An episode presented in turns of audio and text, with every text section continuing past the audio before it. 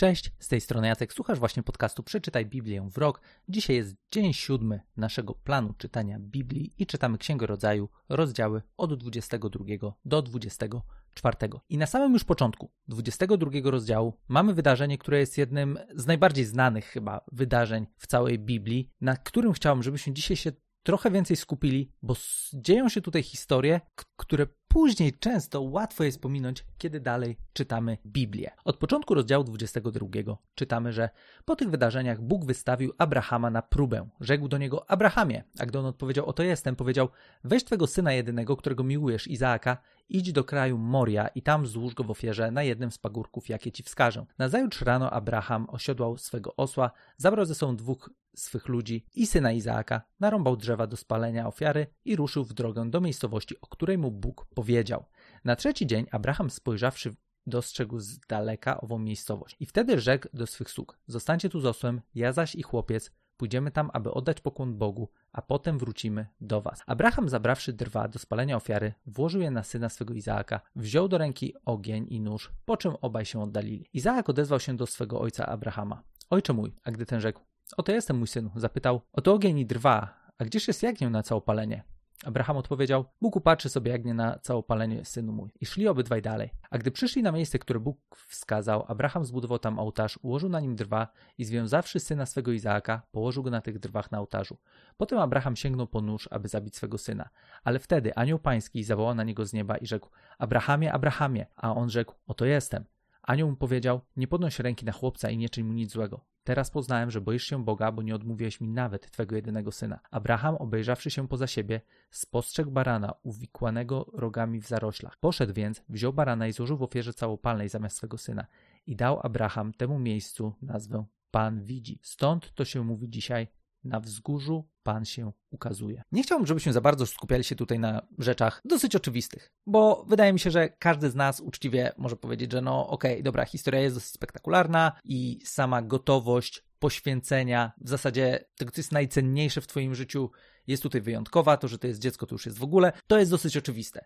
Oczywiście jest znowu pytanie, no dobra, ale Bóg naprawdę chciał w ogóle, co tutaj się dzieje. Jeszcze Inna rzecz, którą, e, z którą też się spotkałem, to jest to, że no, chwilę wcześniej w sumie widzieliśmy Abrahama, który wstawiał się za e, Sodomą i Gomorą, żeby Bóg ich nie zniszczył i tak się targował, z Bogiem targował i w sumie i tak nic mu się nie udało wytargować, no bo e, tam była taka bieda, że nie można było znaleźć prawie nikogo sprawiedliwego. I czy nie mógł tutaj Abraham jakkolwiek z Bogiem porozmawiać? Powiedzieć, Boże, Boże, no ale może jednak, może znajdziemy jakąś... Wiecie, no nie. I właśnie to jest ciekawe, że Abraham zrobił to, co zrobił i był gotowy dokończyć tak naprawdę tego dzieła z bardzo konkretnego powodu. I o tym powodzie czytamy w liście do Hebrajczyków, który już w tym podcaście się pojawiał.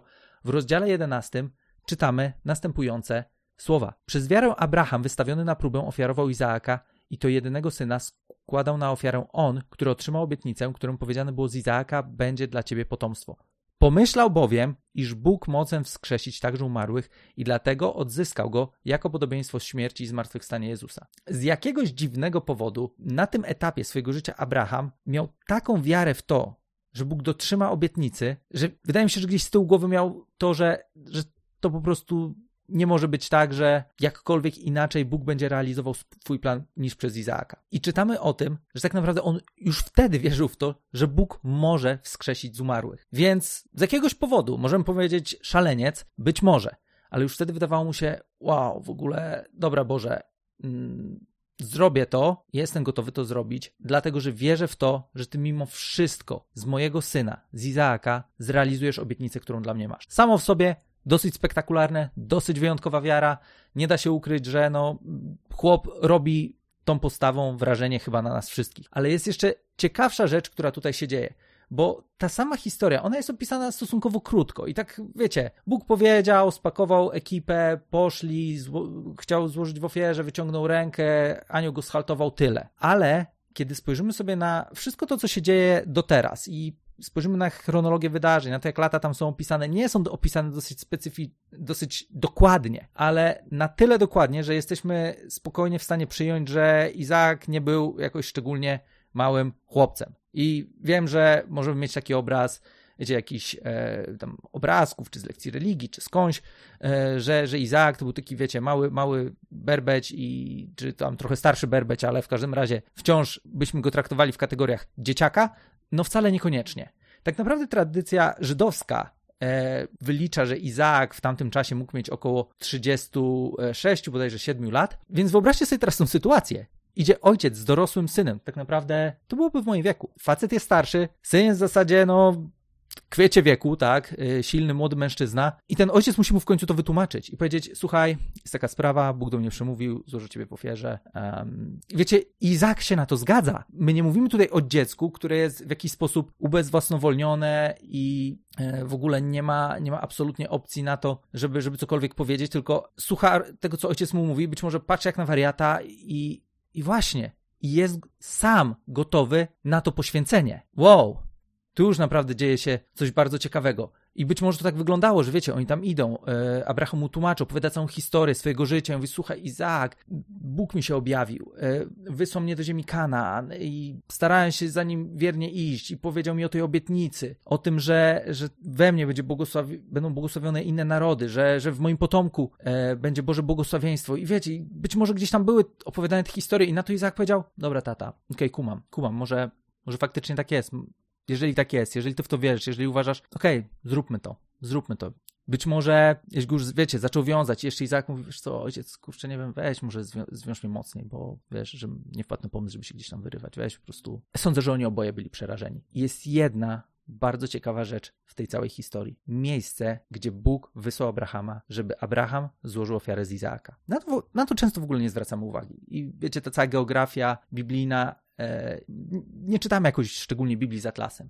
Ale gdybyśmy spojrzeli na to, o jakim miejscu mówimy, to okazuje się, że Bóg wysłał Abrahama do krainy Moria, miał mu wskazać jakiś pagórek. I później na górze Moria Dawid wnosi Arkę Przymierza. Tam jest niesamowicie ciekawe miejsce tego, jak Boża obecność objawia się pośród ludzi, kiedy Dawid jest królem. To jest, do, to o tym jeszcze będziemy czytać. Później w tamtym miejscu Salomon buduje Bogu świątynię i wygląda na to, że właśnie również w krainie Moria, na jednym ze wzgórz, tysiące lat później, Bóg składa naprawdę w ofierze swojego syna. To, co dzisiaj dzieje się w tej historii, jest absolutnie wyjątkowe i już wtedy to jest zapowiedzią tego, co tak naprawdę ma się wydarzyć i w jaki sposób Bóg rozwiąże największy problem ludzkości, którym jest grzech. Niech ta historia będzie dzisiaj dla nas czymś, co pomoże nam docenić, w jaki sposób historia biblijna, jak różne miejsca, wydarzenia łączą się w jedną całość. Bo po tej jednej historii widać, że tak naprawdę to, co wydarzyło się jeszcze za czasów Abrahama, było obrazem tego, co Bóg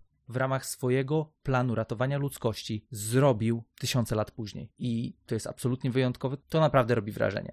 Nie wiem, może na was nie robi.